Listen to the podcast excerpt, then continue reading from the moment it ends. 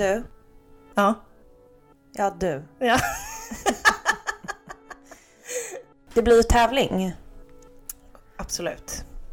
Du vet vad jag menar. Ja, jag vet vad du menar. Men det är bara för att vi spelade in det här alldeles nyss. Ja. Du fattade ju inte först. Nej, jag hade ingen aning. Pappa skickar ju rapport efter varje inspelat avsnitt och eh, säger vem av oss som använder mest svordomar under avsnittet. Han är väldigt road av det här nu. Mm. Life of a retired man. In corona. Yes. Så vi får se vem som vinner idag. Flest svordomar. Jag tror jag har vunnit varje gång faktiskt. Mickan, du har vunnit ganska så överlägset. Jaja.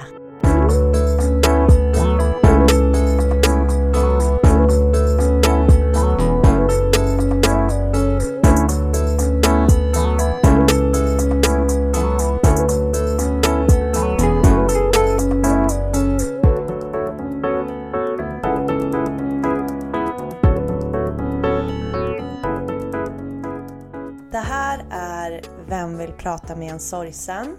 Jag heter Mickan. Och jag heter Steffi. Hallå hallå i stugan din. Hur mår du systra mi? Jag har inte haft en jättebra vecka om jag ska vara ärlig. Eh, jag har känt mig eh, bara så, här, så jäkla seg, trött, haft ont i ryggen och rast, otroligt rastlös. Eh, och idag är inget undantag, om jag säger så. Eh, så jag vet inte. Inte, inte en toppenvecka faktiskt. Lite nere också. Vi pratade ju typ om det när du sa det någon dag i veckan att du var rastlös. Att man har känt så så himla länge. Och även fast man på något sätt ändå mår ganska bra på många olika sätt så är det så frustrerande att aldrig bara få säga jag mår bra. Mm. Och att det är det riktiga svaret. Utan det är alltid så här någonting. Alltid är det något. Mm. Ja, och vi pratade ju också lite om att vi nu går igenom den här perioden när Lussen var väldigt sjuk. Och det är ju nu två år sedan. Nej men du vet, inför typ jul så kunde jag ha samma känsla som jag har nu. Eh, att jag kände mig trött och seg och kunde inte riktigt förstå varför. Och sen så kom jag på, ja men det är för att det är julafton. Men det är liksom en dag. Det här är samma känsla fast inför en hel period. Så jag vet inte när det ska ta slut att jag känner så här. Fattar du vad jag menar? Ja, jag förstår precis vad du menar. Alltså det är lite så här LOL för att vi pratade väl om för några avsnitt sen att vi inte kände att det var den här tiden som pågick. Att man bara två år sedan nu, två år sedan nu.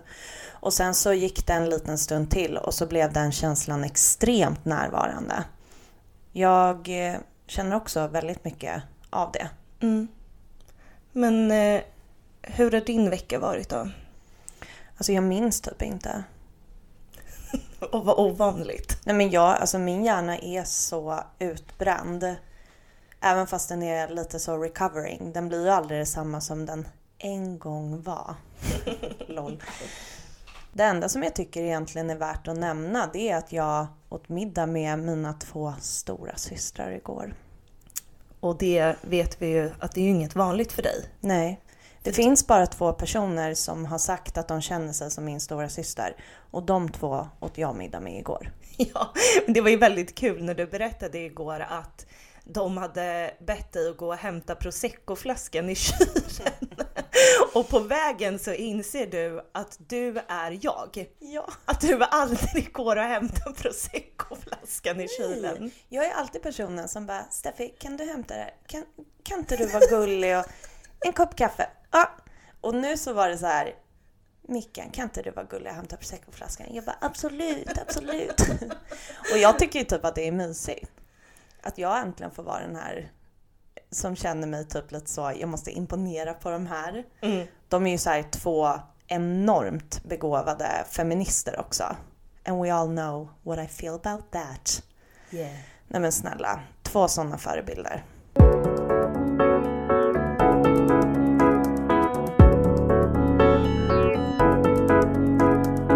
Veckans tema är någonting som har varit ganska efterfrågat faktiskt. Vi har ju pratat väldigt mycket om vår sorg tiden efter att Lussan gick bort. Och det har hört av sig en del som har velat att vi ska prata om hur man ska vara som närstående när en nära person är sjuk. Så det tänkte vi att vi ska prata om idag. Och lite så här disclaimer innan. Att vi har verkligen gått in i oss själva och grävt upp också sånt som man kanske skäms lite för att man kände eller fortfarande känner. Vi kommer vara helt ärliga med er. Men det är också för att vi vill att ni som är närstående ska fatta att det, också, det är svårt och att det är jättejobbigt och att alla känslor som vanligt finns hela tiden. Vår situation som närstående till Lussan när hon blev sjuk var ju konstig på det sättet eftersom ja, men som vi har nämnt i tidigare avsnitt att hon bodde i Göteborg vid den här tiden och vi bodde i Stockholm. Eh, och det ledde ju liksom till att vi var tvungna till att börja med att göra något slags schema. För att ingen av oss i familjen kunde vara i Göteborg hela tiden. Men vi ville ju vara där så himla mycket som det bara gick. Så vi fick göra upp ett schema, så här, vem som skulle vara i Göteborg när. Och det schemat var ju rullande under hela hennes sjukdomstid. Det var ju alltid någon eller några från familjen Gripenberg som befann sig i Göteborg och var vid Lussans sida. Mm. Pendlingen för mig var väldigt jobbig. Dels för att jag inte kunde vara med Lussan hela tiden och bara det är ju skitjobbigt liksom. Men sen så var det ju också det faktum att du och jag tajmade ju aldrig samtidigt att vara där. Nej, det var ju en gång, typ en helg som vi var i Göteborg samtidigt under sjukdomen och det var ju när du också blev förkyld. Alltså man ska ju tillägga att vi fick ju lite tid med varandra alla tre under den där helgen men det var ju att du blev sjuk typ de två sista dagarna eller någonting. Ja exakt. Och eftersom du och jag aldrig var där samtidigt så kunde vi ju dels inte stötta varandra eh, på plats. Men det var ju också att du och jag och Lussan inte fick så jättemånga stunder tillsammans under sjukdomen liksom. Och det, det förföljer mig typ än idag. För att det var liksom den sista tiden vi hade. Och vi var tvungna att på något sätt vara praktiska. Och ibland kan jag bara känna att vi, jag borde bara skitit, släppt allt och dragit till Göteborg och varit där jämt liksom. Någonting som jag tycker är jobbigt att tänka tillbaka på utifrån att vi pendlade fram och tillbaka. Det var ju att i och med att det här schemat fanns, eller vad man ska säga, så var det ju som att i förhållande till Lussans behandlingar så var så, så tajmade man liksom alltid att vara där vid speciellt tillfälle. Mm. Det var som att jag, eller jag och mamma typ, var alltid där precis när Lussan hade fått sina behandlingar. Och dagarna efter man har fått en cellgiftsbehandling då blir man jättetrött. Eh, man mår inte så bra överlag liksom. Så de stunderna tajmade jag alltid in. Så mina upplevelser av att vara med Lussan under sjukdomen, det var ju framförallt att jag var hemma hos henne. Hon låg och sov. Jag kanske gick och städade lite, lagade lite mat. Och sen så fick jag liksom höra då, ja men typ när ni ringde eller skickade bilder eller facetimade när du och pappa var i Göteborg. Då var det eh, när då var det när behandlingen hade suttit i kroppen lite längre. Då blev det lite bättre dagar för henne. Mm. Så ni kunde typ så gå på café någon gång. Mm. Jag vet att mamma och Anton och kompisar till Lussan var på en konstutställning till exempel. Ingen av de sakerna fick jag möjligheten att göra med henne för att de dagarna som jag var där, det var alltid kopplat till när hon mådde som sämst. Jag var antingen med henne bara precis efter cellgiftsbehandling eller så var det typ när hon skulle göra något blodprov eller någon annan typ av behandling. Liksom. Det kan jag verkligen sörja att jag inte riktigt fick den där sista, alltså de sista typ ljusglimtarna. Vi pratade ju lite om det här semmeltestet jag försökte få till. Ja. Det är så här praktexempel på när jag skulle försöka då skapa en sån här ljus liten stund. Men det här var ju också i direkt anslutning till någon av de här behandlingarna som gjorde att hon bara mådde så jävla dåligt och att hon inte orkade någonting. Vi var ju i Göteborg nästan varje vecka. Alltså så gott det eller så här, typ var tionde dag kan man väl säga Ja, att det var. upplevde. Ja. Så ofta som det egentligen gick med att kombinera med så här jobb och life i överlag. Men jag kommer ihåg att eh, det var vid ett tillfälle som jag hade en så speciell grej jag var tvungen att göra på jobbet som gjorde att det gick två hela veckor innan jag åkte ner igen. Mm. Och det var riktigt, riktigt ångestfyllt. Jag gick bara runt där i Stockholm och jag ringde och smsade henne så mycket för att jag saknade henne. Jag oroade mig för henne. Jag hade dåligt samvete för att jag inte var där. Jag ifrågasatte hela tiden. Gör jag rätt? Varför gör jag det här? Borde jag åka ner och bara strunta i det här? Men lägg också på minnet att jag var så ny på jobbet. Jag började på det här jobbet i typ direkt anslutning med att Lussan fick sin diagnos. Så jag hade också någon sån form av press i mig att jag var tvungen att så här leverera. Och dessutom så visste ju inte vi då hur det skulle gå. Vi tänkte ju att hon var sjuk men inte att hon var döende. Det var en väldigt stor inre konflikt i mig och någonting som jag fortfarande mår dåligt över och tänker tillbaka på och så här ångrar att jag inte bara drog ner och var där med henne. Men samtidigt så förstår jag mig själv där. För vi visste ju inte mer än det vi visste. Och det vi tänkte var att hon är sjuk, vi ser alltid till att någon är där och finns för henne och stöttar. Men det här ska ju gå bra. För mig är det ju helt motsatt. Eh, för att för mig så blev det ju att jag aldrig tajmade in när Lussan hade en behandling. Jag tror inte att jag faktiskt var med på en enda av hennes behandlingar. Och det för mig har verkligen liksom förföljt mig. Jag hade många perioder där jag kände mig bara som ett sånt himla dåligt stöd. Att jag aldrig var där för henne när det var som jobbigast. Och jag vet samtidigt att det inte är sant. Men den känslan gick jag runt med så himla länge. Att jag liksom inte var... Jag var, jag var bara där för henne när det var liksom inom citationstecken enkelt. Men när du säger att du gick runt med den känslan, menar du att du har gjort det fram till nyligen eller att du fortfarande gör det? Eller menar du att det var så när hon var sjuk? Mer när hon var sjuk. Jag går inte med den känslan idag.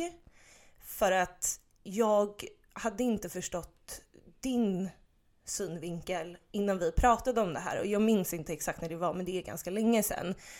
Och jag hade liksom inte tänkt på det på det sättet. Men när vi verkligen satte oss och pratade så förstod jag. Jag bara okej, nej det, alltså så här, Det finns två sidor av den historien om du fattar vad jag menar. Ja, men och grejen är att jag var ju inte heller med på hennes behandlingar. Det var bara mamma och Lussans kille som var med på de behandlingarna och det var för att hon ville ha det så. Mamma var där som trygghet mamma men också för att hon är sjuksköterska och det kändes tryggt för henne. Och hon ville absolut ha sin kille där. Men hon ville inte ha andra personer just när hon fick behandlingen. Jag var ju bara där typ dagarna efter. Jag var bara med på hennes absolut sista behandling. Jag tror att allt det här har hela tiden att göra med den här känslan av att man inte känner sig tillräcklig. För att faktum är ju att man kan ju inte bota henne. Så därför känner man sig ju inte tillräcklig. Och det här var också någonting som jag höll på med jättemycket. Att jag var tvungen att hitta någon liten del som jag kunde fixa. Någon, någonting jag kunde kontrollera. Och det här ledde ju till att jag eh, började inreda Lussans lägenhet hon och hennes kille hade ju precis flyttat in till sin nya lägenhet och sen blev Lussan sjuk. Så de hade ju inte hunnit inreda någonting. Och in kommer jag som alltid måste skapa något mys. Och eh, börjar liksom städa, eh, fixa med det de har och sen eh, dra med mig pappa runt i massa olika butiker och handla möbler och inredning och det ska vara filtar och allt möjligt liksom. Pappa var ju jättetrött på mig. Han orkade ju absolut inte. Men jag bara jo. Eh, och det blev liksom den delen jag kunde kontrollera.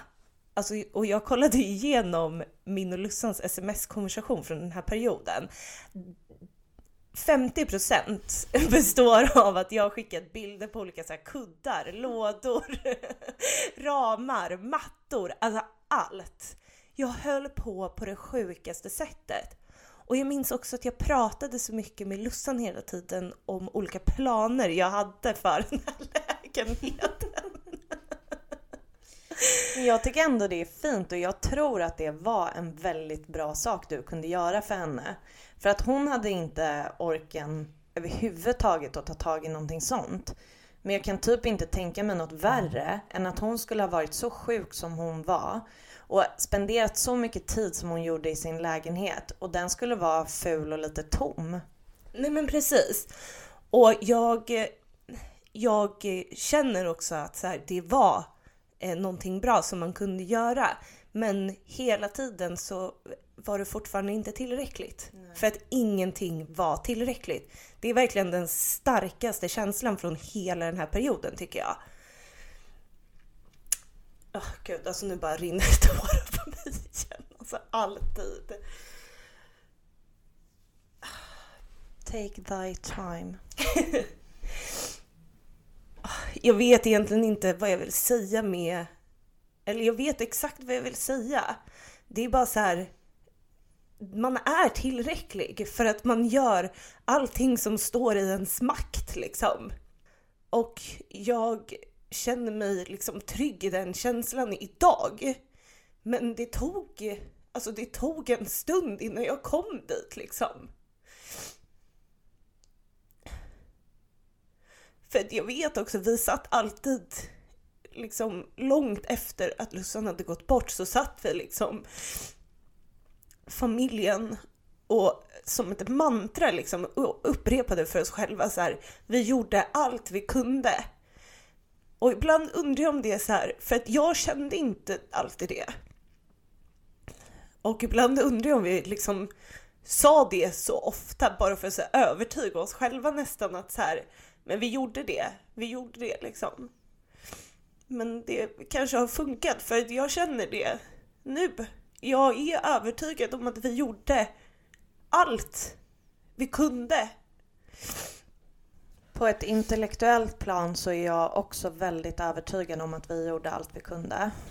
Men jag har nog upplevt det lite tvärtom att så här, precis tiden efter Lussan gick bort då kände jag verkligen att vi hade gjort allt vi kunde. Då var det så färskt också i minnet att jag visste verkligen exakt allt det där som vi gjorde och hur vi kämpade på och hur vi åkte fram och tillbaka hela tiden och så vidare. Men med tiden som går och minnena som ändå bleknar så har jag börjat tvivla på ifall jag gjorde allting som jag kunde. Mm. Jag får till exempel upp ett minne för att jag gick till vårdcentralen precis när Lussan blev sjuk. Jag tror att det var för att jag typ ville ha en kurator att prata med eller någonting. Och jag snackade med den här läkaren som jag berättade om Lussans situation. Och hon tittade på mig med en väldigt ledsen blick och sa typ så här men du ska inte bara sjukskriva dig då och åka till Göteborg och vara där med din syster. Och jag kunde inte riktigt ta det där till mig utan jag gick därifrån och var jävligt upprörd för att det kändes som att hon hade indikerat att det här inte skulle gå bra. Hon sa någonting i stil med att så här, om det går bra så kommer du aldrig ångra att du var där. Men om det inte går bra så kommer du ändå ha velat vara där. Alltså det var någonting sånt. Och det här, vi snackar alltså typ en vecka efter Lussan har fått sin diagnos. Jag var inte alls mottaglig för att ens tänka att det här kommer inte funka. Även om jag hade de katastroftankarna så vill man ju, alltså man vill hoppas, man vill tro att det ska gå bra. Och jag ringde till mamma kommer jag ihåg och var typ så här. Nu har den här läkaren sagt så här och jag är jätteupprörd och jag vet inte hur jag ska tänka nu och vad ska jag göra? Och mamma var så här, nej men hon vet inte vad hon pratar om. Så strunt i det och eh, gör det som känns bra för dig. Men även fast mamma också är en professionell person så var ju hon en mamma i den här, i den här situationen. Hon kunde ju inte heller föreställa sig att det här inte skulle gå bra, för det går inte. Och jag vet också när vi var och pratade med läkarna på Salgrenska efter att Lussan gick bort. Då får man ett samtal där man pratar typ om så här sjukdomsförloppet, vad som hände, hela den grejen. Och då förstod man ju att de här läkarna ganska långt innan de faktiskt sa att vi kan inte göra mer förstod att det här går verkligen inte bra. Och jag känner mig väldigt så konfliktad i det här för att det är ju uppenbarligen någonting som den här läkaren på vårdcentralen också har hört och som jag också kan förstå nu. När man bara du har tumörer i buken, levern och lungan. Alla de är metastaser. Det är elakartat och aggressivt. Nu fattar ju jag hur jävla illa det är. Men det gjorde jag inte då. Och jag undrar hur man ska komma runt det här att sjukvården absolut inte ska uttala sig om att någonting inte går att göra när de inte 100% säkert vet om det inte går något att göra. Men samtidigt så känner man ju i efterhand att man hade velat ha någon form av indikation typ på att jo men du borde nog verkligen sjukskriva dig.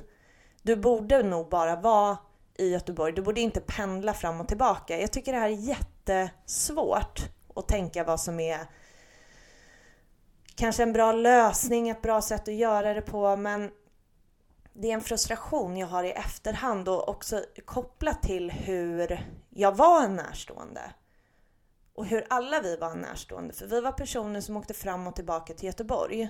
Mm. Och det enda jag kan trösta mig med nu, det är att jag vet att Lussan ville inte ha alla oss där hela tiden. Det var ganska crowded. Alltså, hon och hennes kille bodde ju också i en etta. Det hade aldrig funkat att, rest, alltså så att hela familjen Gripenberg och sen så har vi Anton och så har Lussan sina miljarder vänner, alla som droppar in till höger och vänster. Att alla då hela tiden skulle vara där, det hade inte heller funkat. Det var ju faktiskt en gång som eh, vi var där hela familjen Gripenberg. Och det var vid påsk tror jag. Och du, mamma, pappa och Anton håller på med någonting i köket och det är liksom chatter, chatter. Eh, någon lagar mat, pappa tappar någonting, du slår i tån. Alltså jag vet inte. Men kaos. Och jag sitter med Lussan på sängkanten och Lussan bara tittar på mig och stirrar in i mina ögon och skakar på huvudet och bara jag orkar inte. Vad är det här? jag bara nej jag vet, jag vet. Vi är väldigt många och väldigt eh, högljudda att vara i den där lägenheten alla samtidigt och det var, jag vet ju att det är bra också. Kanske att vi hade den här pendelsträckan mellan städerna. Eh, så att hon ändå, jag tänker också så här lite i efterhand att det finns någonting värdefullt i att hon också fick spendera tid med mig, med dig, med mamma. Alltså att det inte alltid var alla samtidigt. Mm. Och det var ju påsken som vi var där allihopa. Och då var hon väldigt sjuk. Den här påsken var i april någon gång och hon gick ju bort första maj. Mm. Och när vi var i den här lägenheten, det var ju också att jag och pappa rök ihop på ett sätt som var så otrevligt. Alltså vi skrek på varandra. Det var någonting som uppstod för att du satt typ och skrev mina bröllopsinbjudningar, adresser på kuverten. Och det handlar ju mest om att du har en mycket finare skrivstil än vad jag har. Och så, så tyckte jag av någon anledning att du skrev fel på något sätt. Så jag bara, men Steffi, gör så här. Och du bara, men Mickan, mm, mm. Och där bara var det dålig stämning. Då ska pappa in och bara, nej men tjejer, lugna ner er. Och jag bara, kom inte här och säg till oss, vi är vuxna människor. Och sen så minns jag inte liksom vad som sägs, men jag minns bara att jag och pappa skriker på varandra. Mamma kommer in i bilden och bara, nej men hörni, lugna ner, nej, nej, nej och får så här panik över konflikten. Lussan bara sitter i soffan och hon är ju... Det är hemskt för att hon är så himla sjuk vid det här tillfället så hon sitter ju bara där. För det var också det enda hon kunde göra då. Och situationen eskalerar, jag börjar gråta och sätter mig i soffan. Och det som händer då är att Lussan klappar mig på ryggen och säger Det är ingen fara, det är ingen fara. Och får sitta och trösta mig. Mm. Och jag kan tänka mig att om vi under alla de här månaderna vi som alla var väldigt så pressade, inte fattade hur vi skulle göra saker, gjorde vårt bästa men hela tiden kände oss ja, men, sämre än vad vi egentligen kanske var. Hade vi hela tiden varit alla vi? Hur hade det gått? Hur hade stämningen varit? Du känner vår familj Steffi. Du ingår i vår familj. Du vet att det hade varit höga röster. Ja, nej men det hade inte varit bra. Alltså så mycket vet jag. Det hade inte varit, det hade inte varit bra. Och jag har typ inte tänkt på det på det sättet riktigt som jag faktiskt reflekterade mig fram till här i podden nu. Så jag känner att jag typ tröstade mig själv. Men vad bra!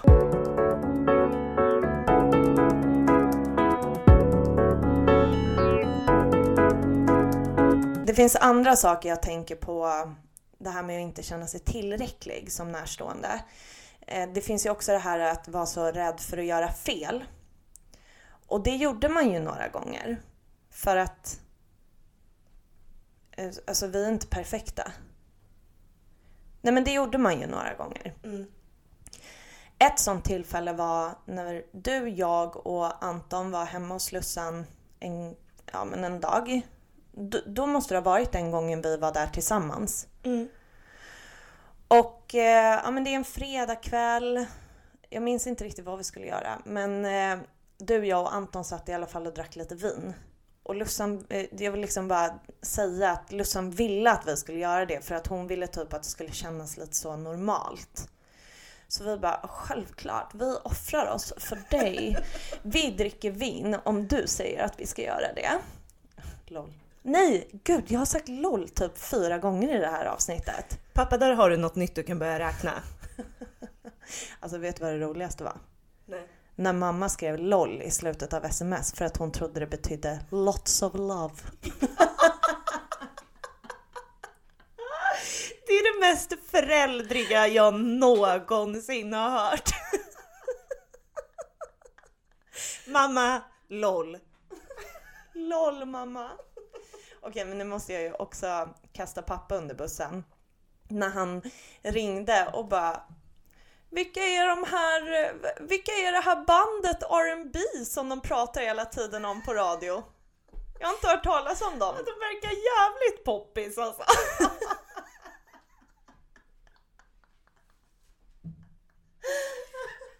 Ja, ni förstår ju, vi hade inte kunnat vara där hela familjen samtidigt. åter till vårt vindrickande. Jag börjar, av oklar anledning, att prata om barn. Jag vill ju väldigt gärna ha barn. Vi älskar ju barn, eller, eller liksom har alltid gjort, alltså mm. både du, och jag och Lussan. Och jag börjar prata om mitt framtida barn, vad ska det heta? Vad, alltså, du vet, som man gör typ. Och helt plötsligt så ser jag Lussan. Alltså hennes ögon bara tåras. Och i den sekunden så slår det mig. Nej, men här sitter jag med en människa som typ har fått veta att eh, hennes äggstockar och livmoder kommer opereras ur hennes kropp. Det här är ju, vi tror ju fortfarande att det här ska gå bra vid det här tillfället. Mm. Men de hade ändå sagt att nej, det, det, det ser inte jätteljust ut att du kommer ha kvar det. Självklart blir hon jätteledsen för att här sitter hennes okänsliga stora syster och pratar om hur kul det ska bli när hon får barn och hur det livet kommer vara. Alltså, jag har sån ångest över att jag gjorde det här mot henne. Jag har fortfarande jättemycket ångest över det. Jag har typ ångest över att jag berättade för er i podden. Men jag känner också att jag måste. Mm. För att jag gjorde fel. Och det kan alla göra. Jag har också en sån där grej som förföljer mig lite. Eh, som kom upp inför det här avsnittet. Eh, det var någon gång när Lussan hade varit på sin behandling och var jättetrött. Eh, jag var i Stockholm och hon ringer upp mig för jag har väl ringt typ tre gånger. Eh, och hon sitter utanför lägenheten och pratar med mig och säger typ så här, hon bara men Steffi jag orkar typ inte förklara mer. Hon bara jag är jättetrött av den här behandlingen och jag blir irriterad för att hon inte orkar. Och då börjar Lussan gråta för att hon blir så jävla ledsen för att hon inte orkar. Men hon gör ju verkligen inte det. Och hon, alltså hon så började typ tänka, men också så på hur jag känner men också att det går, alltså det är fysiskt omöjligt. Hon bara jag måste gå upp, jag måste gå upp och jag bara nej men oj jag får ju aldrig prata med dig i telefonen, jag vill liksom höra hur, hur du mår, någonting. Och, och där är hon liksom och så har jag fått henne att börja gråta. För att jag behövde någonting till mig själv från henne. Liksom. Och det där, äh, alltså det där kan ge mig grov ångest alltså.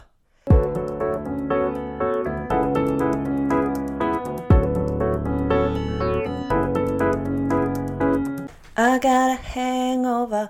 Whoa, I've been drinking too much for sure. Vad? Pågår?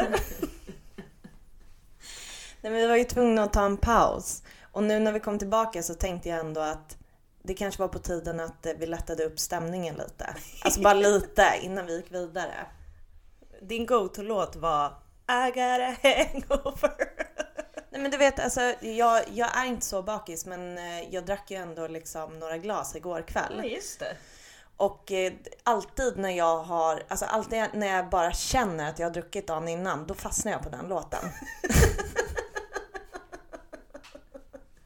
Every time. I got a hangover. Jag. Släpp det. Okej, okay, moving on. Alltså, jag fattar verkligen det här kommer inte få dig att känna dig bättre men jag fattar att du har ångest över den där grejen. Men jag har gjort samma sak också flera gånger. Och det tar mig vidare lite till någonting som jag funderat på i förhållande till hur svårt det är att vara närstående. Eftersom att man har sina egna behov och sin egen oro och hela den där biten. Mm. Det var ju väldigt ofta när man inte var på plats i Göteborg som man försökte ringa till Lussan. Och hon klickade samtalet och skrev “Jag orkar inte prata”. Och det här är ju för att hon var, ja men, hon var, hon var jätte, jätte, jätte, jättetrött. Alltså det går ju inte ens att förklara. Man får ju den här fatig, heter det? Fatigue? Fatig. ja men hon var trött, alltså hon hade ju haft feber liksom i jo, månader men också. man får en actual grej som ja, heter men... fatig ja. eller fatigue. Eller, ja, just alltså det. någonting. Ja, nu när du säger det så hör jag att du har strugglat med det här ordet förut för att jag minns att du har mm. hållit på så här. Ja, och det här var någonting som jag bland annat läste på om när jag var i Göteborg med Lussan. För hon fick från sjukhuset en liten blå perm med massa information som berättade om olika biverkningar och ja, allting som händer när man genomgår cellgiftsbehandlingar. Och den här eh, fatigue, fatigue, det var en av de grejerna. Det här är, nu blir liksom lite så för att jag inte kan uttala det här ordet men det här är verkligen en riktig grej. Och vi pratar alltså om en trötthet som inte kan jämföras med att vara trött.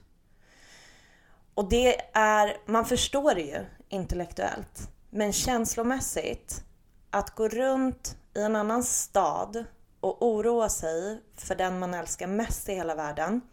Försöka ringa till den personen, bli klickad och bara få ett kort sms om att någon inte orkar prata med en. Alltså det tär. Och det var jättejobbigt. Och någonting annat som var jobbigt i den situationen var hur man kände inför det. Att man blir liksom irriterad och bara, men kan du inte bara fem minuter? Mm. Det var ingenting som man liksom sa till henne. Men det var någonting som man kände och det räcker för att man fortfarande ska ha dåligt samvete för att man gjorde så. Mm. Eller att man kände så. Och sen också om hon väl orkade ta telefonen och man pratade med henne så var ju hennes för ofta kunde det vara så man, man ville liksom dels ringa och kanske uppdatera om livet bara och så här, kolla av hur hon mådde men också försöka fylla hennes så tankar med någonting annat också än den här cancern. Och då när man försöker berätta någonting kul som man vet att hon i vanliga fall skulle tycka var jätteroligt och man får så här jättesmå reaktioner för att hon är så trött och sjuk. Det var också det är också någonting som jag fortfarande kan ha dåligt samvete över att jag kände mig liksom lite så kränkt nästan. Mm. För att man inte fick mer reaktion. Och jag tror att det var någon form av känsla av att man eh, också tänkte att man hade misslyckats då. Nu har jag ringt för att berätta det här som jag vet hon kommer uppskatta. Men nu lät det inte som att hon uppskattade det. Så jag misslyckades med mitt försök att så här, muntra upp henne. Men för några månader sedan så hittade ju vi faktiskt lite som hon hade skrivit under sin sjukdomstid. Mm. Och det var en otrolig, det var jättehemskt att läsa liksom. Men det var en fin tröst. För där framgår det hur mycket hon uppskattade att ha oss där. Mm.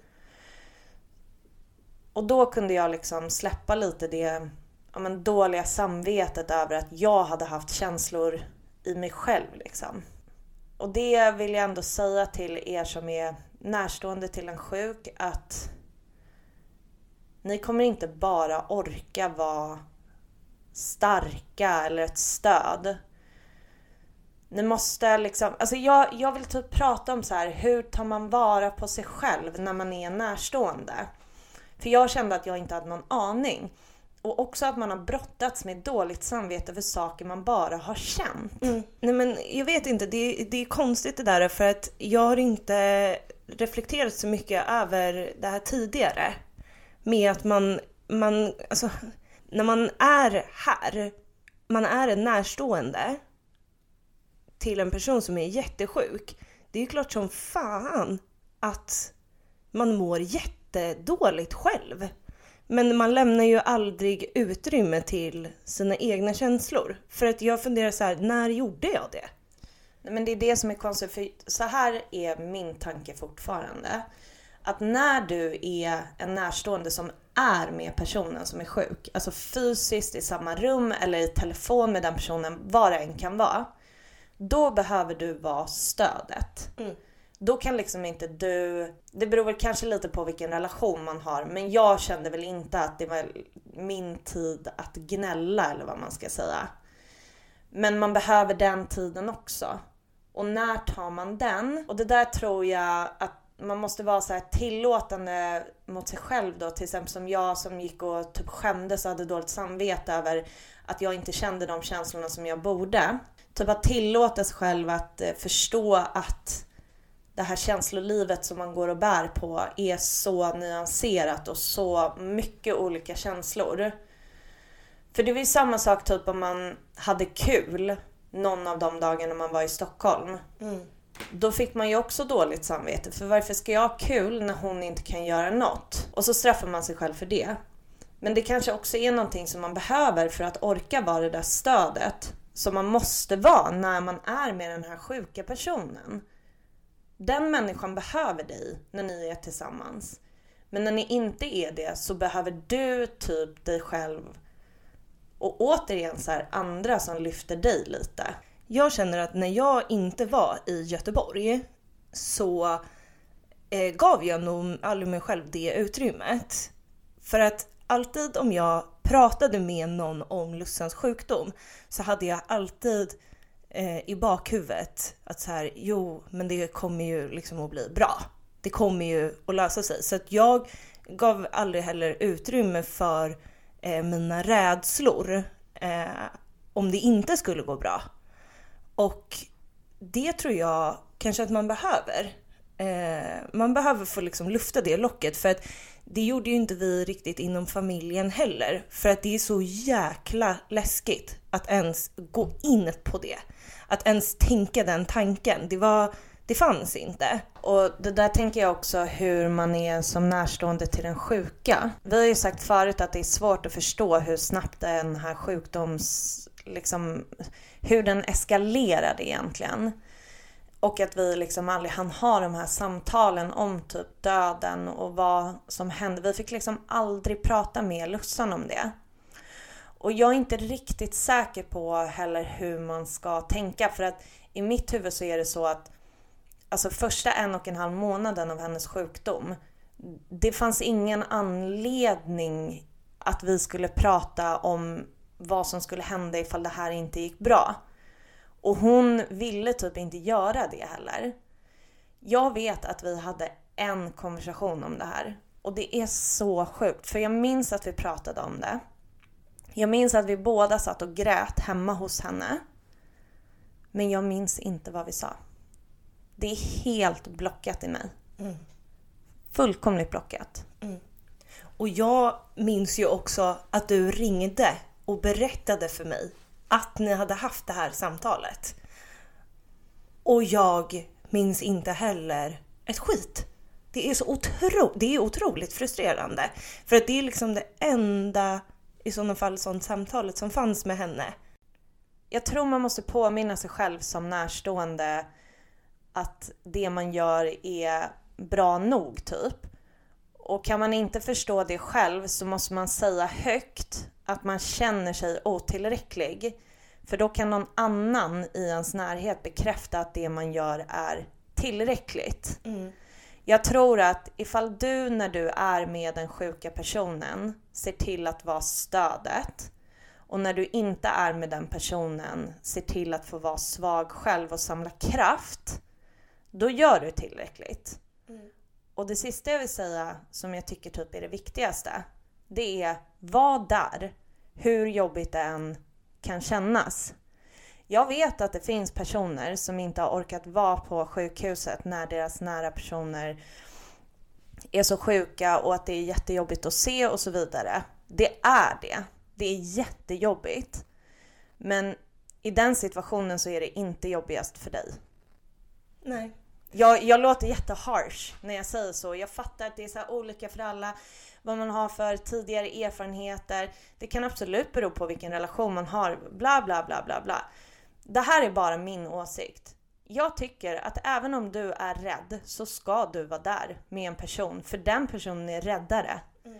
Det är inte du som sitter och har fått höra att du inte kommer få leva längre. Det är inte du som sitter och har ont i hela kroppen. Det är inte du som inte kan gå på toaletten själv eller prata eller vad det nu kan vara. Den personen som du älskar och som älskar dig behöver dig där. Mm. Jag vill också tillägga um, att vi är bara människor och man kan, man gör fel. Alltså vi har ju suttit här och berättat om saker som vi skäms över idag. Sådana saker kan hända, men var inte så fruktansvärt hård mot dig själv. Får jag berätta en till sak som jag tycker jag gjorde fel? Ja, absolut. Vad kommer nu? Ja, det här var ju en av de här dagarna precis efter Lussan hade fått behandling. Hon hade väldigt tydliga matpreferenser när hon väl blev sugen på någonting. Och det var väldigt ofta sånt som var kopplat till barndomen. Det var ju väldigt mycket så korv och, eh, vad heter det? Korv och falukorv eller på att säga. falukorv och makaroner, köttbullar och makaroner, alltså ni vet, the classic barnmat. Den här dagen så är det enda Lussan vill ha farmors piroger. Farmor gjorde några otroliga piroger. Alltså de var inget så, men, alltså speciellt, men ni vet så här. Childhood memories. Jag bara, självklart Lussan, jag fixar pirogerna. Ställer mig, börjar kavla ut den här smördegen och bara, jävlar vad jobbigt det här var.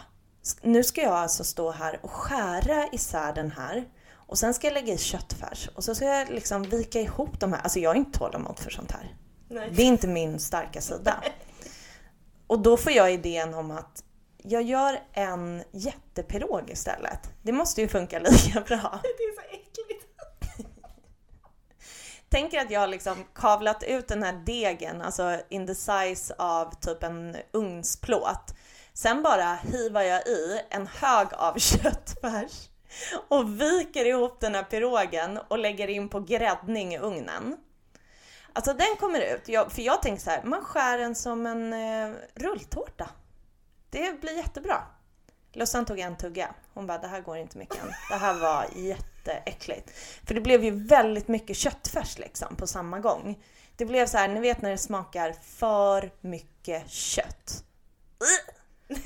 Det är som alla matpersoner som alltid pratar om att det ska vara rätt ratio, ratio hela tiden. Men alltså ratio, det var ingenting som fanns. Nej exakt, du gjorde the opposite.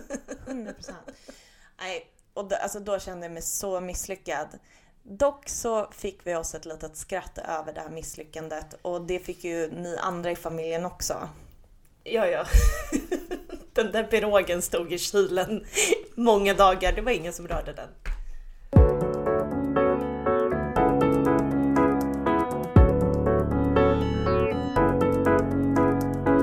Okej, vi måste börja avrunda för nu har vi poddat så himla länge och eh, alltså jag är ledsen. Ni hade fått längre avsnitt om det inte var så att det var jag som var tvungen att klippa varje avsnitt. Gud vad störigt det var förra veckan. När jag var tvungen att klippa avsnittet i bilen hem från Ockelbo. Då var jag riktigt irriterad. Men ja, skitsamma. Alltså vi måste prata om en viktig sak innan vi avslutar idag. Och det är att eh, den här måndagen, 15 mars, som avslutne, av...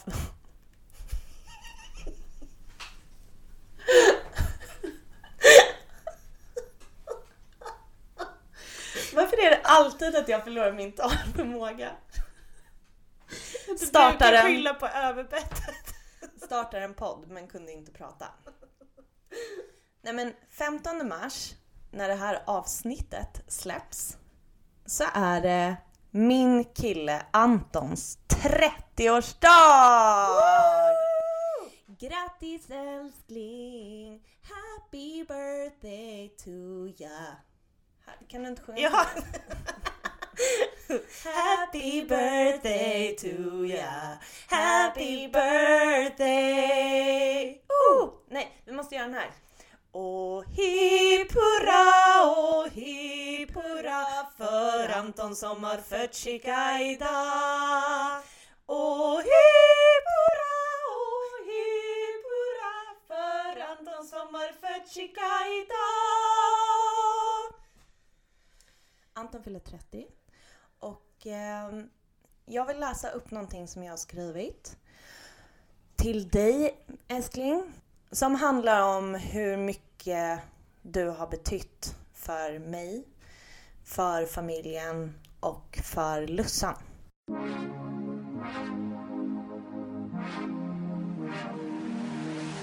Det började med att jag var ute en kväll med en brud som jag träffat och som bjudit på dejt. Vi drack en flaska vitt, åt en bouillabaisse, drack en liten drink men vi hoppade dessert. Babe, min älskling, min kille Anton. Från stunden som Lussan åkte in på sjukhus första dagen så fanns du där. När jag ringde och bad dig möta mamma på stationen i Göteborg var det inte ens en fråga och du tog med dig inte bara en utan två olika kaffe som hon fick välja vilken sort hon egentligen ville ha. När vårt pendelschema mellan Stockholm och Göteborg satte igång under Lussans sjukdom öppnade du upp din lägenhet utan tvek. En etta på typ 35 kvadrat. Oavsett om det var mamma, pappa eller Steffis tur att komma till Göteborg, mig behöver man ju kanske inte nämna, så stod dörren öppen och soffan bäddad. Jag minns att jag grät när du berättade vilka otroliga middagar du lagade till min familj. Hemgjord sötpotatisgnocchi, någon lyxig tacos bara för att nämna två. Med förklaringen att du tyckte att det var viktigt att mamma och pappa fick något som gjorde dem glada när de kom till Göteborg för att se efter sin sjuka dotter. Du var hos Lussan var och varannan dag. När jag oroligt ringde från Stockholm såg du till att ge mig all information du kunde, skicka filmer, bilder, ringa på Facetime. Allt för att jag skulle få så mycket tid med min syster som möjligt. Du hjälpte Lussan att fly tankar på vad som pågick i hennes kropp genom att följa med på bio, en teater, ha bokklubb och gå på konstutställning när det fortfarande gick. En av Lussans sista dagar satt vi med henne i sjukhusrummet. Du satt och läste en bok och åt en godisrem. Lussan vaknar för en kort stund och tittar på dig, fnissar till lite och säger bara Anton och en rem. Så smärtsamt vackert. För alla vi som känner dig väl vet om din kärlek till godisremmar. Och hon visste också. Under hennes sista dagar fick den lilla synen ge henne en liten, liten stund av någon slags glädje. Jag vet att det är jobbigt att världen inte verkar vilja förstå att du är en del av familjen. Du får frågor om hur jag mår, hur mamma, pappa och Steffi mår. Men nästan ingen frågar hur du känner inför att ha förlorat Lussan. Aldrig ska du undra hur jag och de andra Gripenbergarna känner. Vi vet att du är del av vårt DNA. Du och Lussan var utomlands tillsammans på egen hand. Ni delade intressen som ingen av oss andra förstod. Ni hade en kulturklubb, delade kärlek för naturen, ölen, musiken. Det pretentiösa i livet kan man väl sammanfatta det som. Ni var syskon och du var där när Lussan tog sina sista andetag. Tvivla aldrig på att jag vet att du är min och vår familj. Jag har hört att kriser kan slita isär par och jag förstår det. Genom sorgen har det inte alltid varit enkelt att bara vara varandras axel och gråta mot. Men vi har varit ärliga och fan mig kommit varandra närmare genom det här också. Jag vet ärligt inte hur jag skulle ha klarat mig utan dig under min värsta depression. När du lagade mat, städade, handlade och höll om mig i panikångestattacker. När du kommer hem från jobbet idag så blir det en flaska vitt och en bouillabaisse. Åh gud, jag får tönt panik på mig själv. Men annars kommer man inte... Anton kommer fatta. Jag vet, jag förstår också. Det är Albin och Nettan for life. Grattis på din födelsedag. Jag älskar dig gränslöst och innerligt. Du och jag under trycket baby Det har gått flera veckor baby Sen vi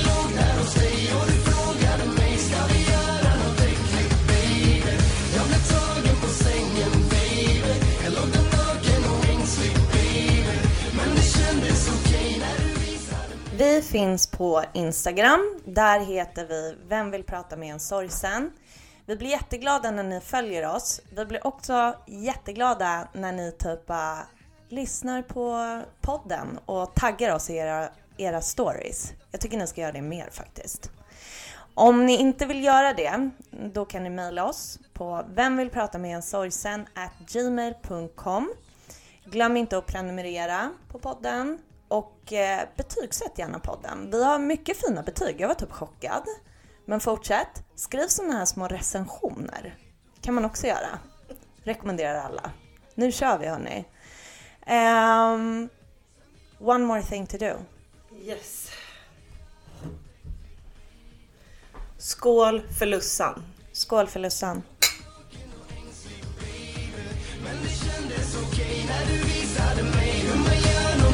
Jag ställer inga krav, krav, krav. Säger aldrig nej, nej, nej För du vet vad jag vill ha, ha, ha. Så du får göra vad du vill med mig. Jag ställer inga krav, krav, krav. Säger aldrig nej, nej, nej För det blir aldrig så bra, bra, bra. Så när du får göra vad